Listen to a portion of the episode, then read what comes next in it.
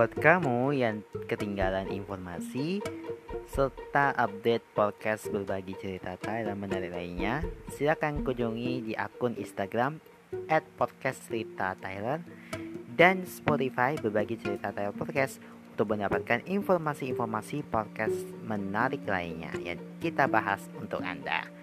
Jangan lupa juga untuk selalu follow akun Instagram at mata underscore underscore dan Twitter at Demata Saputra untuk mendapatkan informasi mengenai program-program unggulan lainnya. Selamat mendengarkan.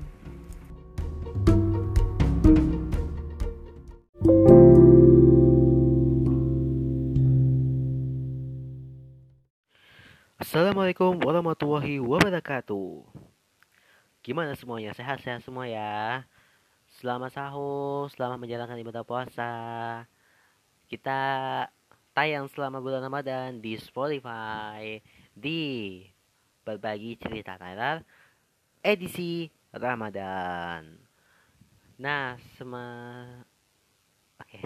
Kita akan mau membahas, tapi sebelumnya perkenalkan diri dulu. Saya Malika Saputra dan temanku Kyle King dan kita berdua akan sepakat kita akan membahas tentang iklan Ramadan yang paling dirindukan.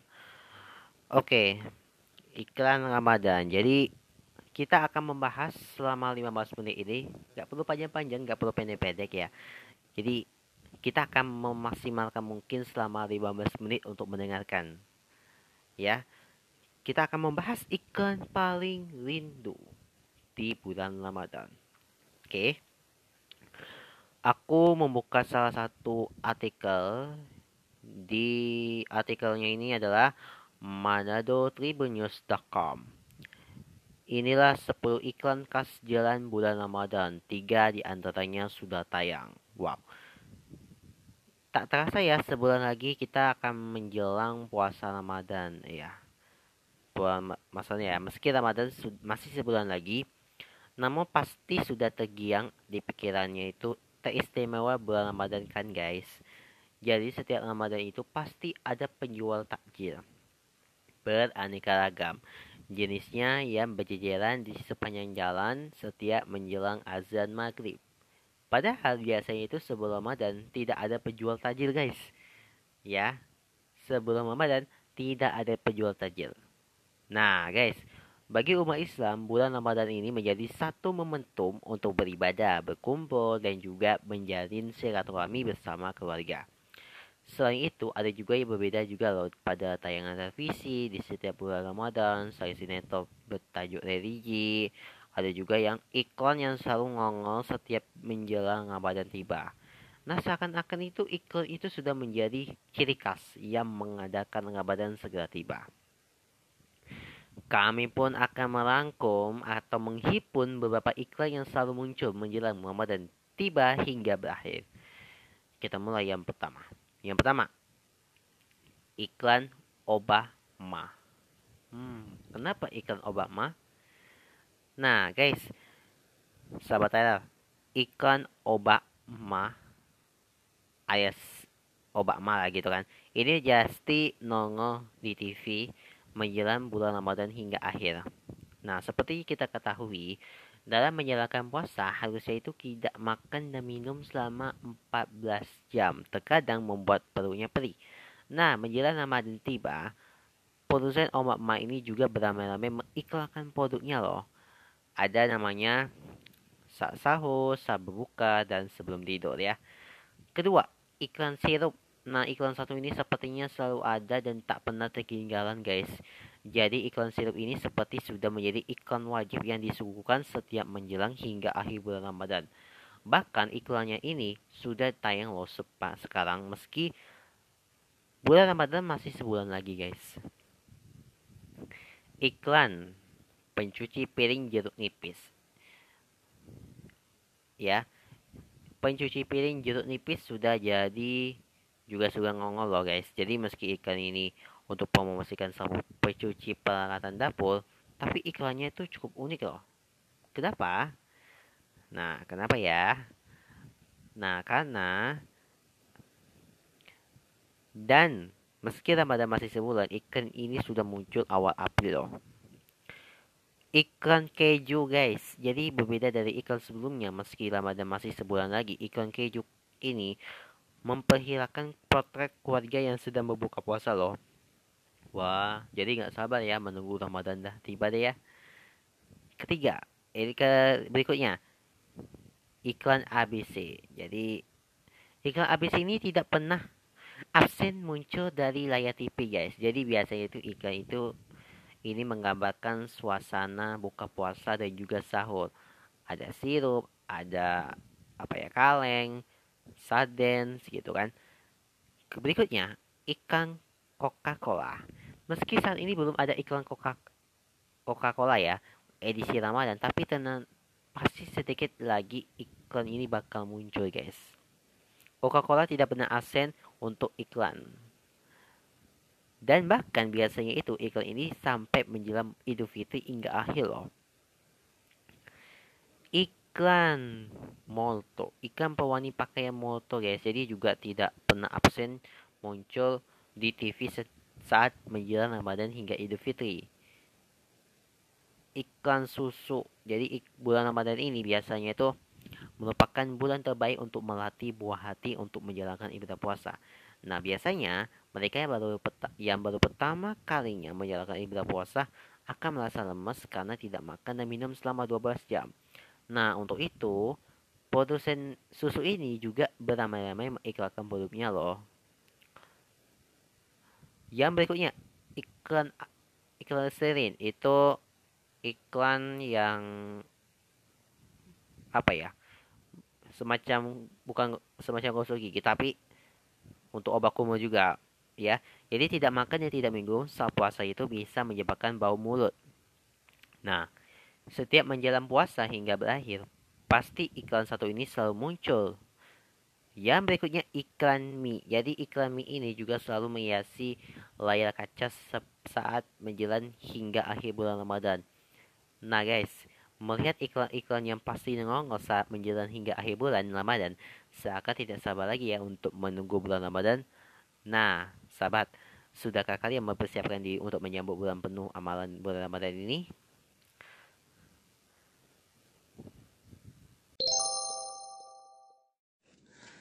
Jadi hari ini kita akan mau membahas tentang penajaya di masa kecil yang bikin nostalgia kita mau mengintip nih ada tujuh iklan jadul makanan yang bikin rindu.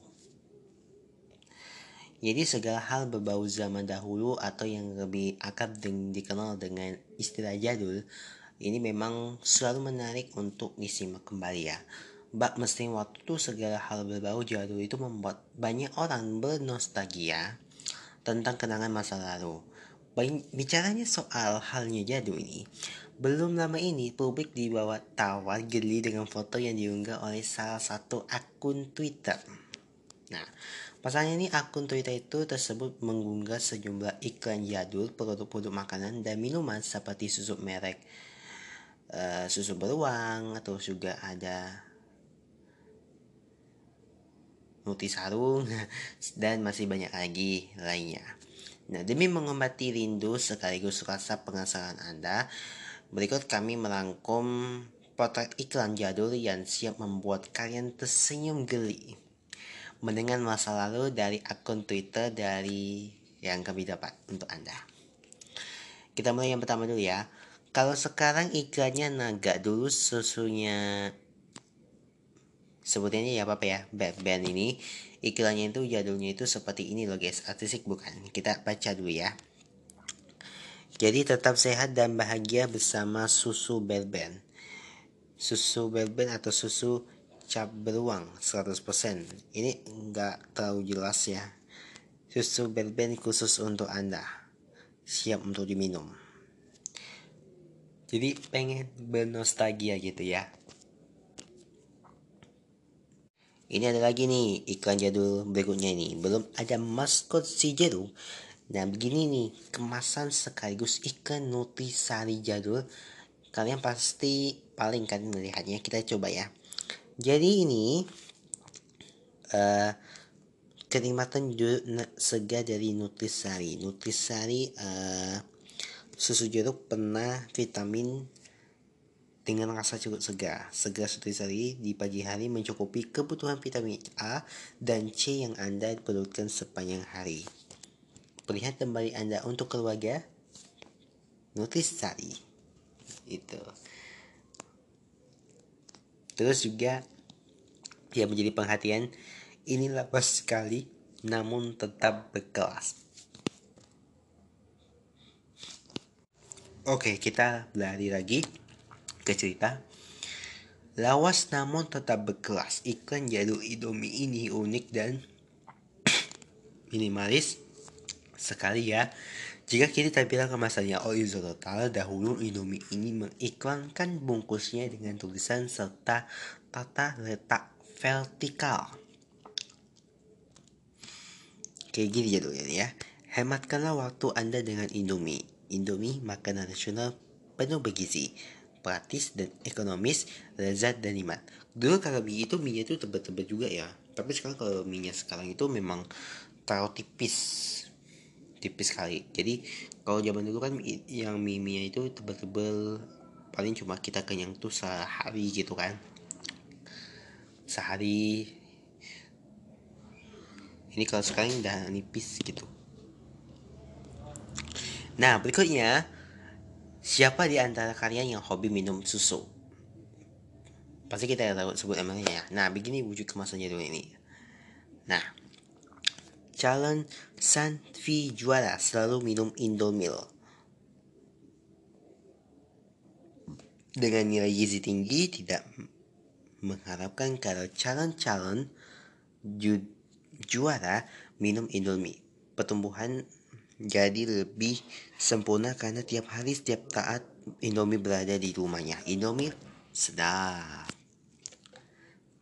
Memang terkenal banget tapi cuma cukup mennostalgia ya. Lalu yang berikutnya ini uh, berikutnya bukan hal baru rupanya nih Iklan jadul Sarimi ini menunjukkan bahwa sejak dahulu kala mie instan ini sudah biasa dijadikan cemilan tanpa harus dimasak terlebih dahulu. Jadi, kalau kita lihat uh, kemasan jadulnya itu dari misalkan Sarimi lah ya, serasa sop ayam. Itu dilemas-lemas dulu. Itu dibuka, didaburin, lalu dikocok-kocok dulu. Di apa? Diaduk-aduk dulu. Terus dimakan. Hmm, asik. Tapi tanpa apa ya? Tanpa eh tanpa masak. Langsung dimakan. Dapat dimakan langsung sebagai makanan kecil atau hidangkan seperti biasa. Kayak gitu. Berikutnya murah bukan main. Ini iklan KFC versi jadul. Terbayangkan pada waktu itu harga satu paket nasi ayam tak sampai harga 2000-an per porsi Kita lihat ya. Pesta Mahardika dari KFC mulai Agustus 94 baru Popeyes. Harga ada yang 2000-an terus juga ada yang Popeyes itu buah PT ayam tuh ada harganya 4500-an terus ada nasi itu ayam itu 1708 ribuan gitu. Nah Gak cuma teh, ternyata iklan jadul ini menunjukkan bahwa teh soso ini pernah punya produk yakni air soso. Jadi air soso ini memberikan kesegaran yang sehat di tengah kesibukan kantor, sehabis makan atau untuk air minum sehari-hari di rumah. Air soso, air murni bermineral yang telah melalui proses sterilisasi yang sangat cermat hingga dijamin memenuhi standar uh, kualitas air minum yang sehat. Tersedia dalam botol 150, 1500 ml, 500 ml, 250 ml, cupnya 250 liter, dan galon 19 liter berikut dispenser. Jadi sediakanlah air hanya air munis seperti dari sosro dan sangat membantu segar, sehat, dan membutuh tinggi. nah itu tadi uh, apa ya masih banyak sih iklan-iklan yang kita mau saya sampaikan jadul makanan sekaligus minuman yang mungkin bisa membuat anda nostalgia sejenak ya? Nah kalau kita berbicara tentang iklan jadul tentunya pasti membekas lah di telinga kita ya. Dulu ada Indomie terus juga ada susu apa namanya itu? Susu beruang terus juga ada apa namanya itu ya? KFC KFC kan zaman dulu kan cuma harganya dua ribuan gitu kan. Pasti enak tuh. Nah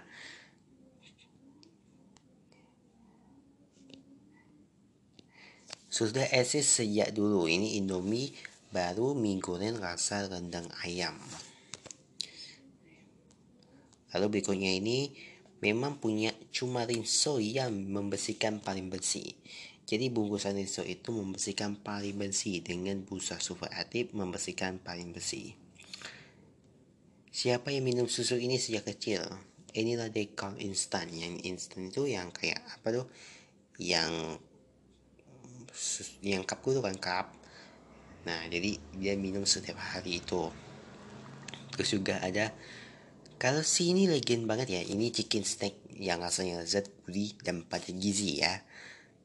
Harganya itu serat, deh? Harganya itu nggak sampai seribuan loh. Serat, nggak sampai nggak sampai lima ratus tapi seratus lima puluhan. Ciki dulu dong ya. Tersedia dalam rasa keju dan sari ayam. Terus juga ada logonya sedikit berubah ya sekarang Milo pada gizi kayak energi karena Milo setengah. Oke lah ya dengan rasa coklat lezat. Milonya itu hmm, versi jadul ya guys. Jadi Milo itu bukan yang sekarang Milo itu versinya jadul. Terus juga kendaraan serbaguna pilihan keluarga bahagia. Ini Suzuki Minibus hemat gesit perkasa wis. Botolnya tak berubah Teboto Sosro. Semoga kesegaran Teboto semen semarakan pesta dan tahun baru Anda. Lepas dahaga asli ya. Terus juga ada ada yang familiar dengan model iklan ini. Ya, saya pokoknya so clean. Wah. Terus juga ada lagi, ternyata merek deodoran ini sudah eksis sejak dulu. Rexona, oh, Terus juga namanya sedikit lupa ya sekarang bagaikan tak ada panas. Dengan kelincahan baru Light Boy sabun mandi.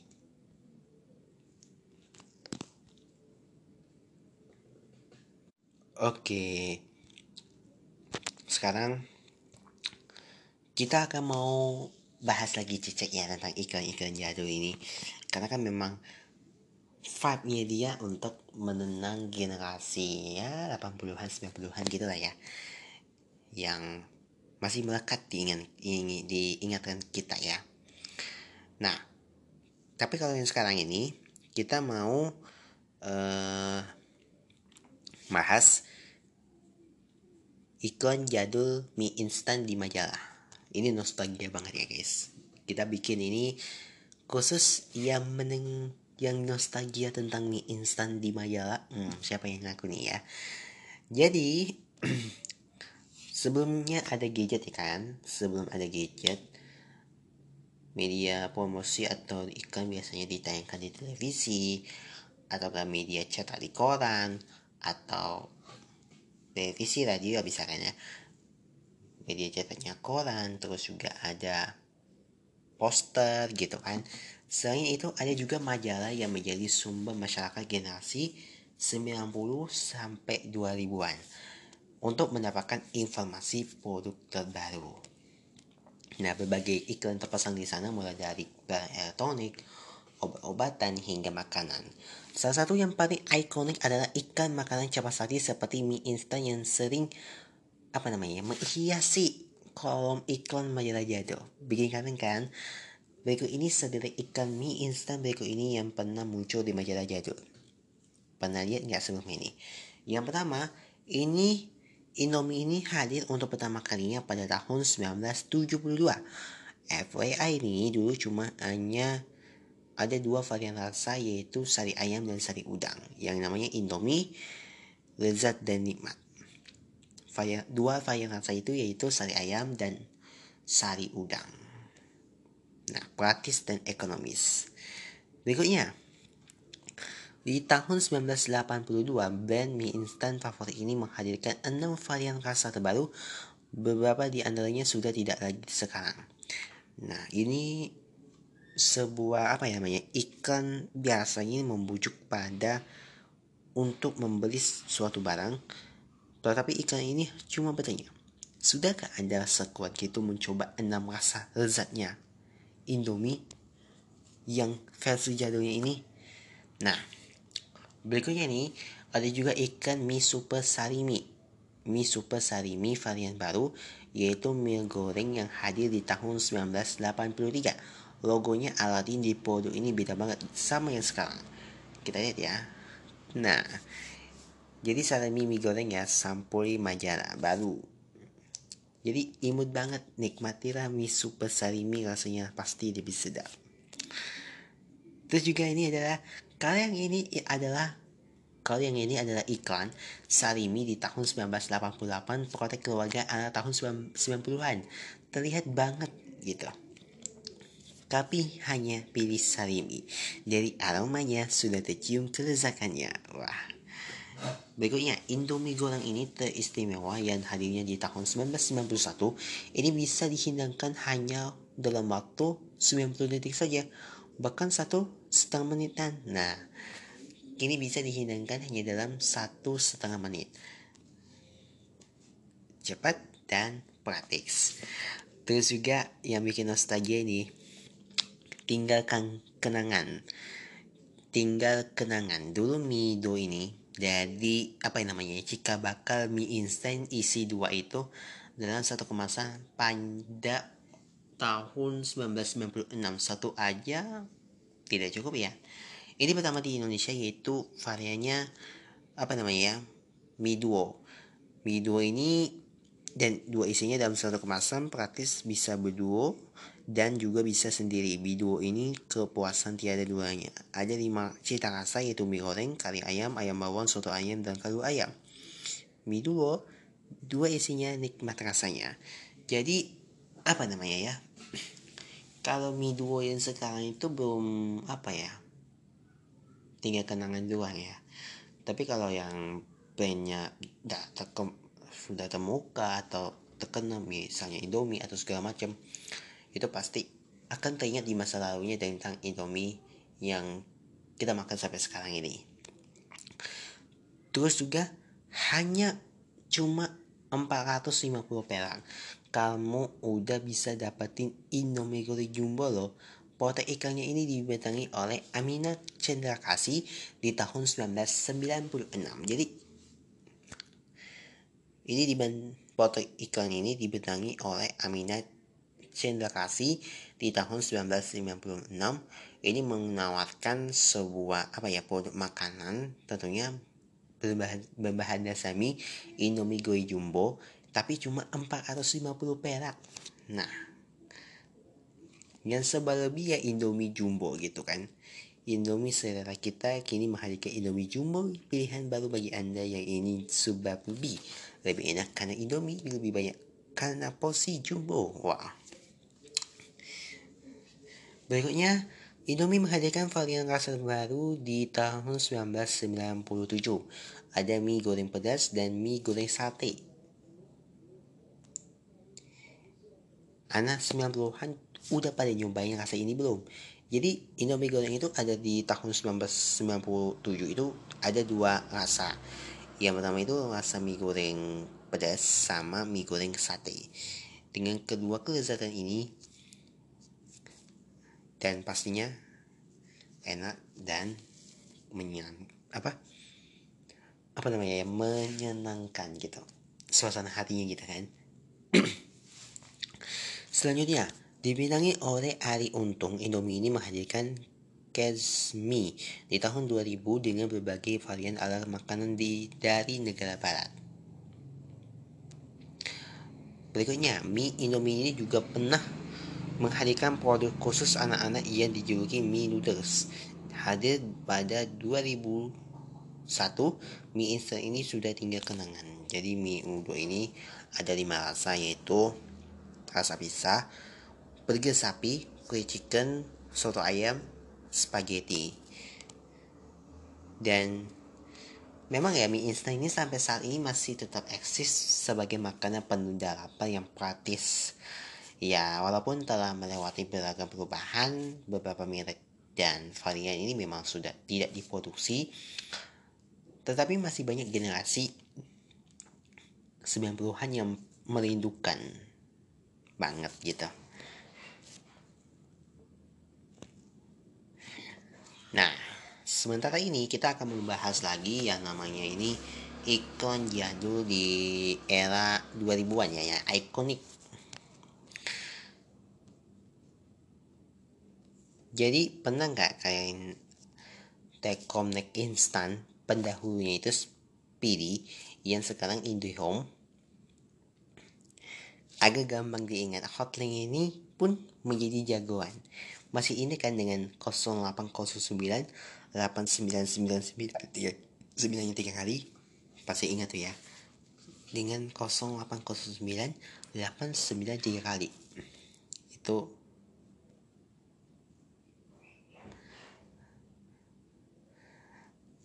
masih mengingat nostalgia itu ya. Oke sebentar lagi nyari dulu uh, oke. Sebentar lagi untuk yang berikutnya ini ikan multivitamin untuk anak pun dikemas dengan yang gembira, sehat, kuat, rajin belajar setiap hari bermain bersama yakni sakatonik ABC berarti ABC bukan bata ya. Jadi ABC itu untuk asupan suplemen untuk anak-anak gitu lah. Oke lah.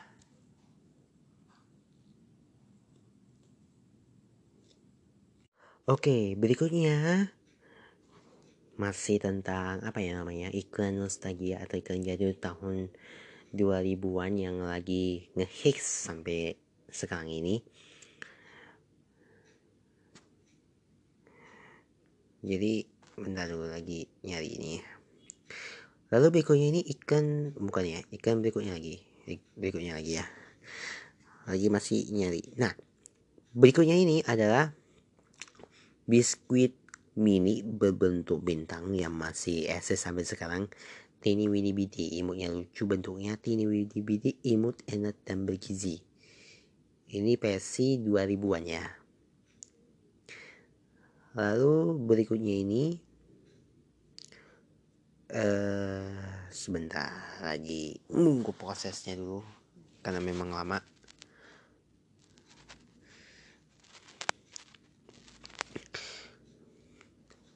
Masih tetap diproduksi ya ini widi-widi sampai sekarang. Terus juga berikutnya Iklan Nutrisari yang didampingi oleh Jojo atau Joha Suheman, Yosua Suheman, sehingga sekarang ini masih kecil saat iklan ini tayang. Jeruk kok minum jeruk gitu. Berikutnya, masih ingat dengan permen berbentuk telapak kaki berwarna merah? Yang hot-hot pop itu kalau yang bikin kayak itu makin ngepop gitu kan. Terus juga eh Bukan karena jagonya ini tapi karena konsep yang unik. Siswa-siswa SMP ini membahas teori fisika mulai dari hukum akademis hingga sederhana, kreatif dan mendidik. Terus juga ada unikan kon kola candy kolanya kola. Iklan yang yang muncul ini minggu pagi ya, minggu pagi ya saat sela-sela kantor favorit kita tayangan gini. Terus juga jagoan neon. Wah ini benar-benar jagoannya. Siapa sih yang dulunya membeli permen lollipop yang ininya cuma supaya lidahnya jadi warna-warni seperti ikan gitu kan? Terus juga masih ingat ingat gak dengan iklan mineral yang dalam kemasan itu? Aku akan maksudnya yang melibatkan orkestra. Mewah banget untuk ukurannya zaman dulu. Waduh Oke, itu tadi uh, gak banyak sih ya iklan jadul yang supaya ini bisa bikin nostalgia bareng untuk kalian semua. Oke, dan tampaknya kita harus cukupkan hingga ke sini. Nanti kita akan bahas lagi di segmen berikutnya. Eh, kita udah lama ya nggak baca cerita horor dari teman-teman ini. Ayo, saatnya kita masuk ke segmen cerita horor. Selamat datang di segmen cerita horor yang akan kami bacakan dari teman-teman kita tentang pengalaman kita yang pernah alami waktu di perkemahan ini dan ceritanya yang berjudul Cerita Seram di Bumi Perkemahan. Langsung saja kita mulai ceritanya. Jadi, kejadian cerita ini saya alami ketika saya masih duduk di bangku kelas 6 SD sekitar tahun 2006. Pada saat itu saya akan mengikuti sebuah acara perkemahan abad tingkat pegelang di kota Bandung wakili khawatir cabang. Dua minggu sebelum keberangkatan menuju kota Bandung, Kelawati cabang ini kami mengadakan acara perkemahan selama empat hari sebagai latihan. Dengan memilih lokasi di sebuah objek wisata dana buatan yang sudah lama tertinggal. Lokasi perkemahan ini berjarak sekitar 3 jam perjalanan dari pusat kota, berada di tengah hutan dan kebun karet. Disebut dengan nama RK. Jadi total yang akan berangkat pada hari itu ke perkemahan adalah 52 orang, terdiri dari dua regu putra dan dua regu putri. Satu regu terdiri dari 10 orang, tiga orang pembina putra, dan tiga orang pembina putri. Dua orang pelatih putra dan dua orang pelatih putri. Dua orang teknisi listrik dan mesin. Kami berangkat pada hari Rabu sekitar pukul 11 dengan menggunakan dua bus dan satu truk khusus barang. Sedangkan salah satu pembina yang akan kami panggil Romo Handi ini menggunakan mobil pribadinya bersama dengan tiga pembina lainnya. Di perjalanan, semuanya tanpa bahagia. Bahkan di bus sebelah yang tidak ber-AC, hak khusus untuk Regu Putra, mereka menyanyikan sambil bergitaria. Dan kami Regu Putri menikmati lagu jadul Mendayu, menundang kantuk mengundang katuk di dalam bus sambil sesekali menawarkan Bu Risma pembina putri yang terkantuk. Semua berjalan lancar tanpa hambatan. Sepanjang perjalanan saya menatap keluar jendela sambil memperhatikan jalan yang semakin lama semakin sepi dari peradaban. Jarak antar desa yang mulai jauh diselingi beberapa kebun dan hutan ada rasa kurang nyaman hinggap di hati saya. Mengingat ini adalah pengalaman pertama saya pergi jauh dari rumah mengingat pula. Namun saya berusaha untuk menipisi semua perasaan itu dengan berpikir bahwa kami akan melakukan kegiatan yang menyenangkan. Sekitar pukul 2 pagi kami memasuki lokasi perkemahan, menurunkan barang dari truk dan mulai mendirikan tenda. Ini saya kasih Dena lokasi bumpernya. Sebelah kanan dekat jalan adalah lokasi tenda putri. Untuk Regu Putra di sebelah kiri dekat hutan. Sekitar pukul 4 sore, semua tenda telah berdiri. Beberapa anggota Regu Putri yang bisa berenang memilih mandi di danau. Sedangkan yang lainnya memilih mandi di kamar mandi umum yang berada dekat musola yang terlantar.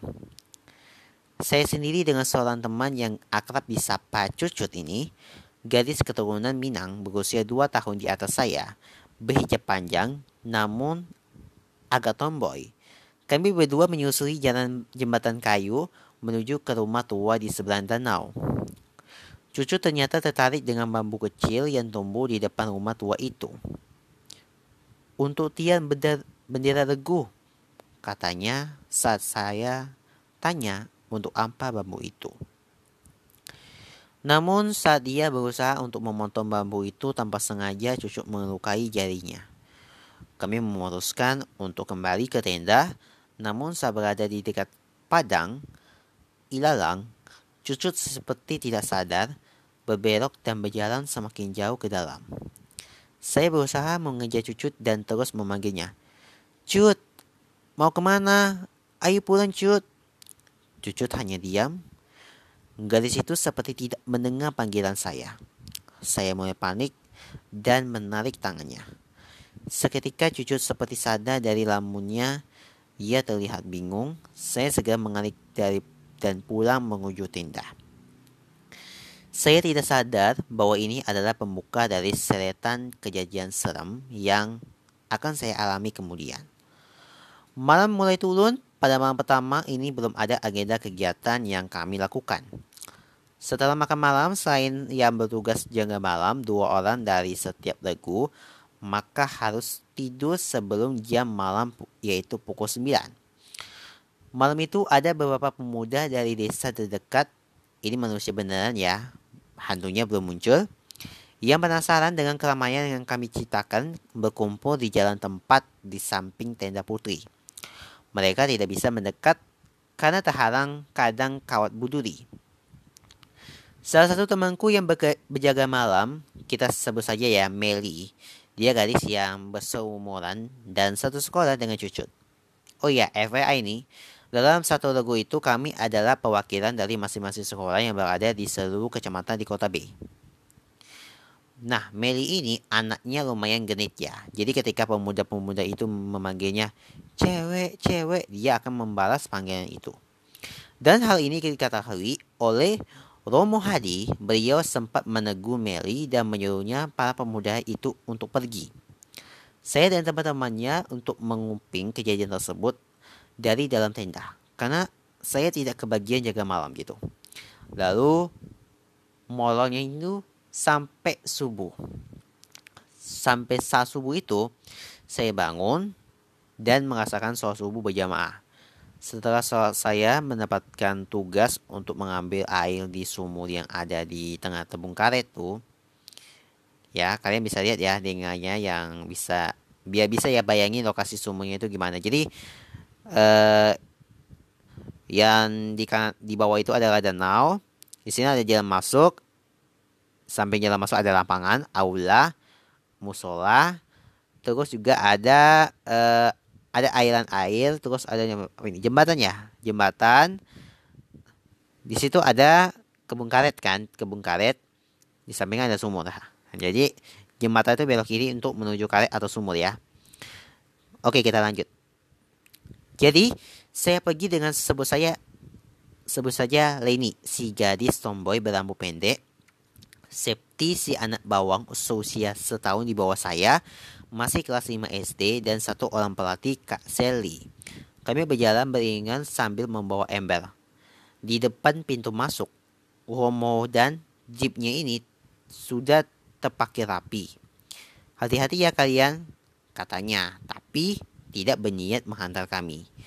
Jalannya sangat gelap dan sepi, hanya sentral satu-satunya untuk sumber penerangan kami. Melewati jembatan, tiba-tiba saya mendengar sayup-sayup suara seperti orang yang sedang bernyanyi kidung di gereja. Mohon maaf jika salah ya, mau dikoreksi ya.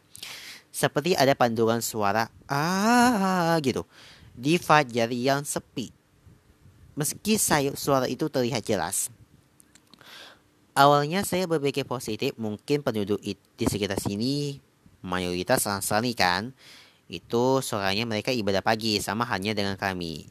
Saya memang ingat ketika keluar dari pusat kota ada sebuah gereja besar yang sempat kami lewati. Sep, kamu dengar orang yang bernyanyi enggak? Saya bertanya pada Septi. Dia sejenak terlihat mencoba untuk mengangkat bunyian tersebut tetapi kemudian ia menggeleng. Enggak kak. Gitu.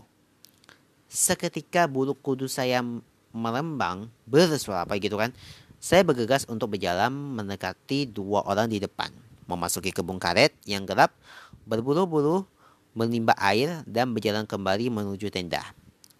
Setelah itu, kami melanjutkan agenda dengan lari pagi menuju desa terdekat, melewati jembatan.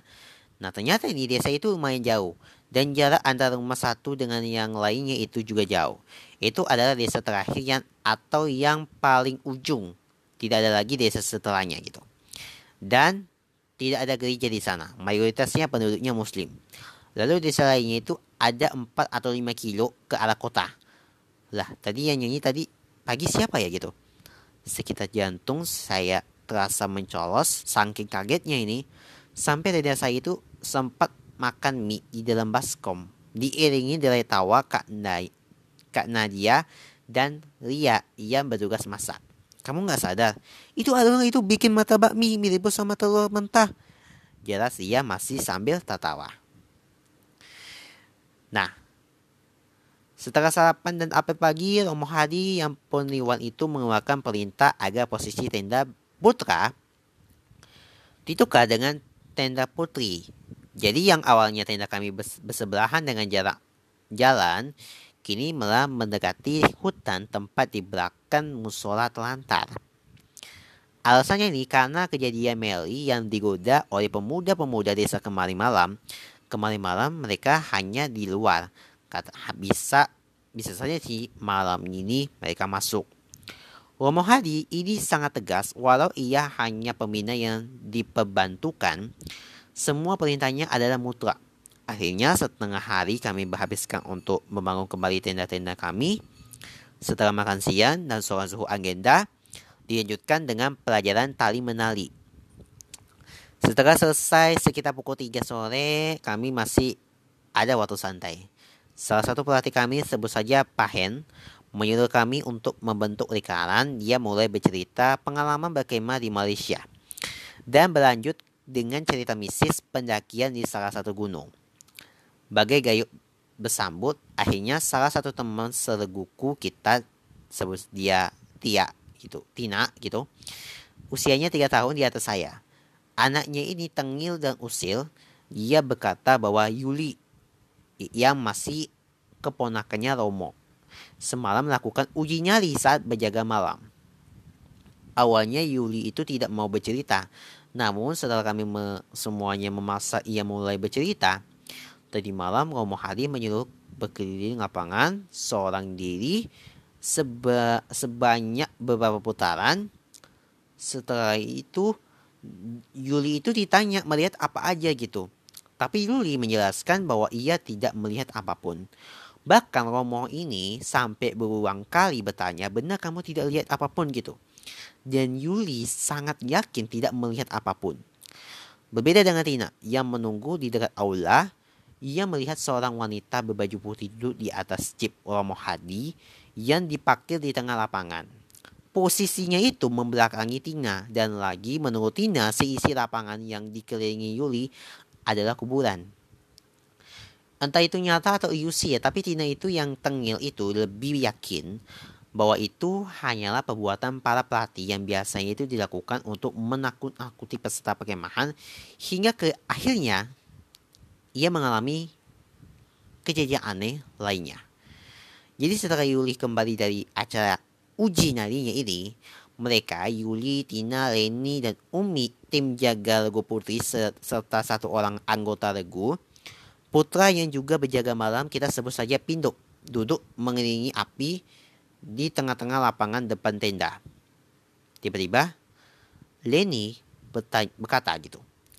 Di sini banyak kucing ya. Tapi kenapa ya di atas pohon semua? Sambil melihat berkeliling ke lembaknya pepohonan gitu. Memang di sana itu terlihat ada beberapa pasang mata gitu yang tampak bersinar dalam kegelapan seperti mata seekor hewan. Sss, itu bukan kucing, jangan lihat gitu. Kata Pindu yang ternyata adalah anak Indihome, eh Indigo ya, Indigo ya. Memang apa kalau bukan kucing kata Tina dengan penasaran itu pocong gitu kan kata Pindu dengan santai sedangkan ketiga gadis ini kecuali Tina di depan itu sudah pucat pasi. Di sini rame, rame banget gitu.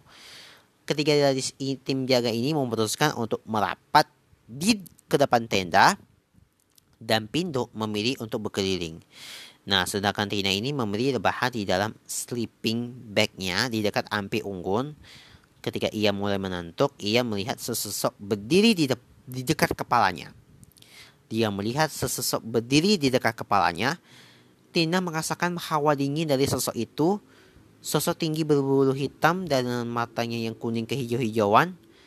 Tina itu yang sudah mulai menantuk malah tidak bisa memejamkan matanya.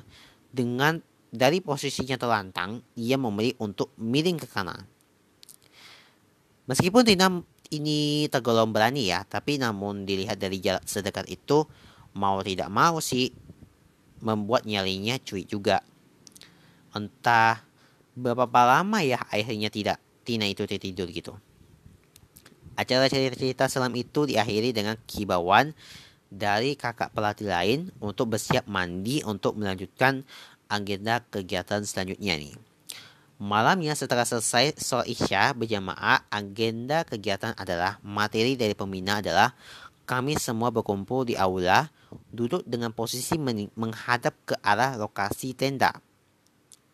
Oleh, gua ulangi. Agenda kegiatan adalah materi dari pembina, kami semua berkumpul di aula, duduk dengan posisi menghadap ke arah lokasi tenda. Saya duduk di barisan bal barisan paling belakang sebelah kiri, paling ujung menghadap pas dengan musola. Sebelah kanan, saya ada Kak Nadia. Nah, saat acara tengah berlangsung, fokus saya itu kepada pelatih yang menyampaikan materi. Tiba-tiba menjadi buya ketika karena sekilas saya ya melihat sesuatu yang aneh di depan musola itu. Karena penasaran saya langsung menoleh ke melihat ke arah musola. Sekitar seketik seketika saya merasakan ketakutan di sanalah di depan musola yang berjarak sekitar 6 atau 7 langkah orang dewasa itu berdiri sesosok pocong. Pocong yang sama dengan yang sering saya lihat di film-film horor. Bedanya itu yang ini tingginya hampir 2 meter. Bermukanya itu hitam seperti gosong, hanya matanya saya yang bersinar dalam kegelapan. Saya mencoba untuk melapaskan beberapa surat pendek yang saya pelajari di tempat mengaji. Saking ketakutan, saat melapaskannya terdengar juga berbunyi gem, apa ya? Bunyi gemeletuk ya dari gigi giginya saya itu yang saling beradu karena gemetaran gitu. Saya mencoba untuk memberitahu Kak Nadia, Kak Naya itu ini di sebelahnya sih. Tapi saya tetap fokus ke, ke menyimak penjelasan pelatih. Hingga akhirnya setelah beberapa lama saya berhasil membuat mengoleh dan saya berbisik, Kak ada pocong di depan musola. Oke, itu tadi tapi ini serem juga ya tapi sosok pocong di di depan musola itu parah sih dan ini masih belum lanjut ya ceritanya ya kejadiannya apa dan beberapa ada sih yang kita mau bahas cerita selam di bumi bagaimana juga seram-seram juga ya oke. Oke, sekian dulu ya episode kita kali ini di segmen cerita horor. Apa kalian merinding cerita ini? Ya, semoga ya kita tidak kejadian di dunia nyata ya dan bisa selalu lindungan yang maha kuasa. Oke, cukup sekian dulu episode kita kali ini dan sampai jumpa lagi di episode berikutnya. Bye bye. Sampai jumpa.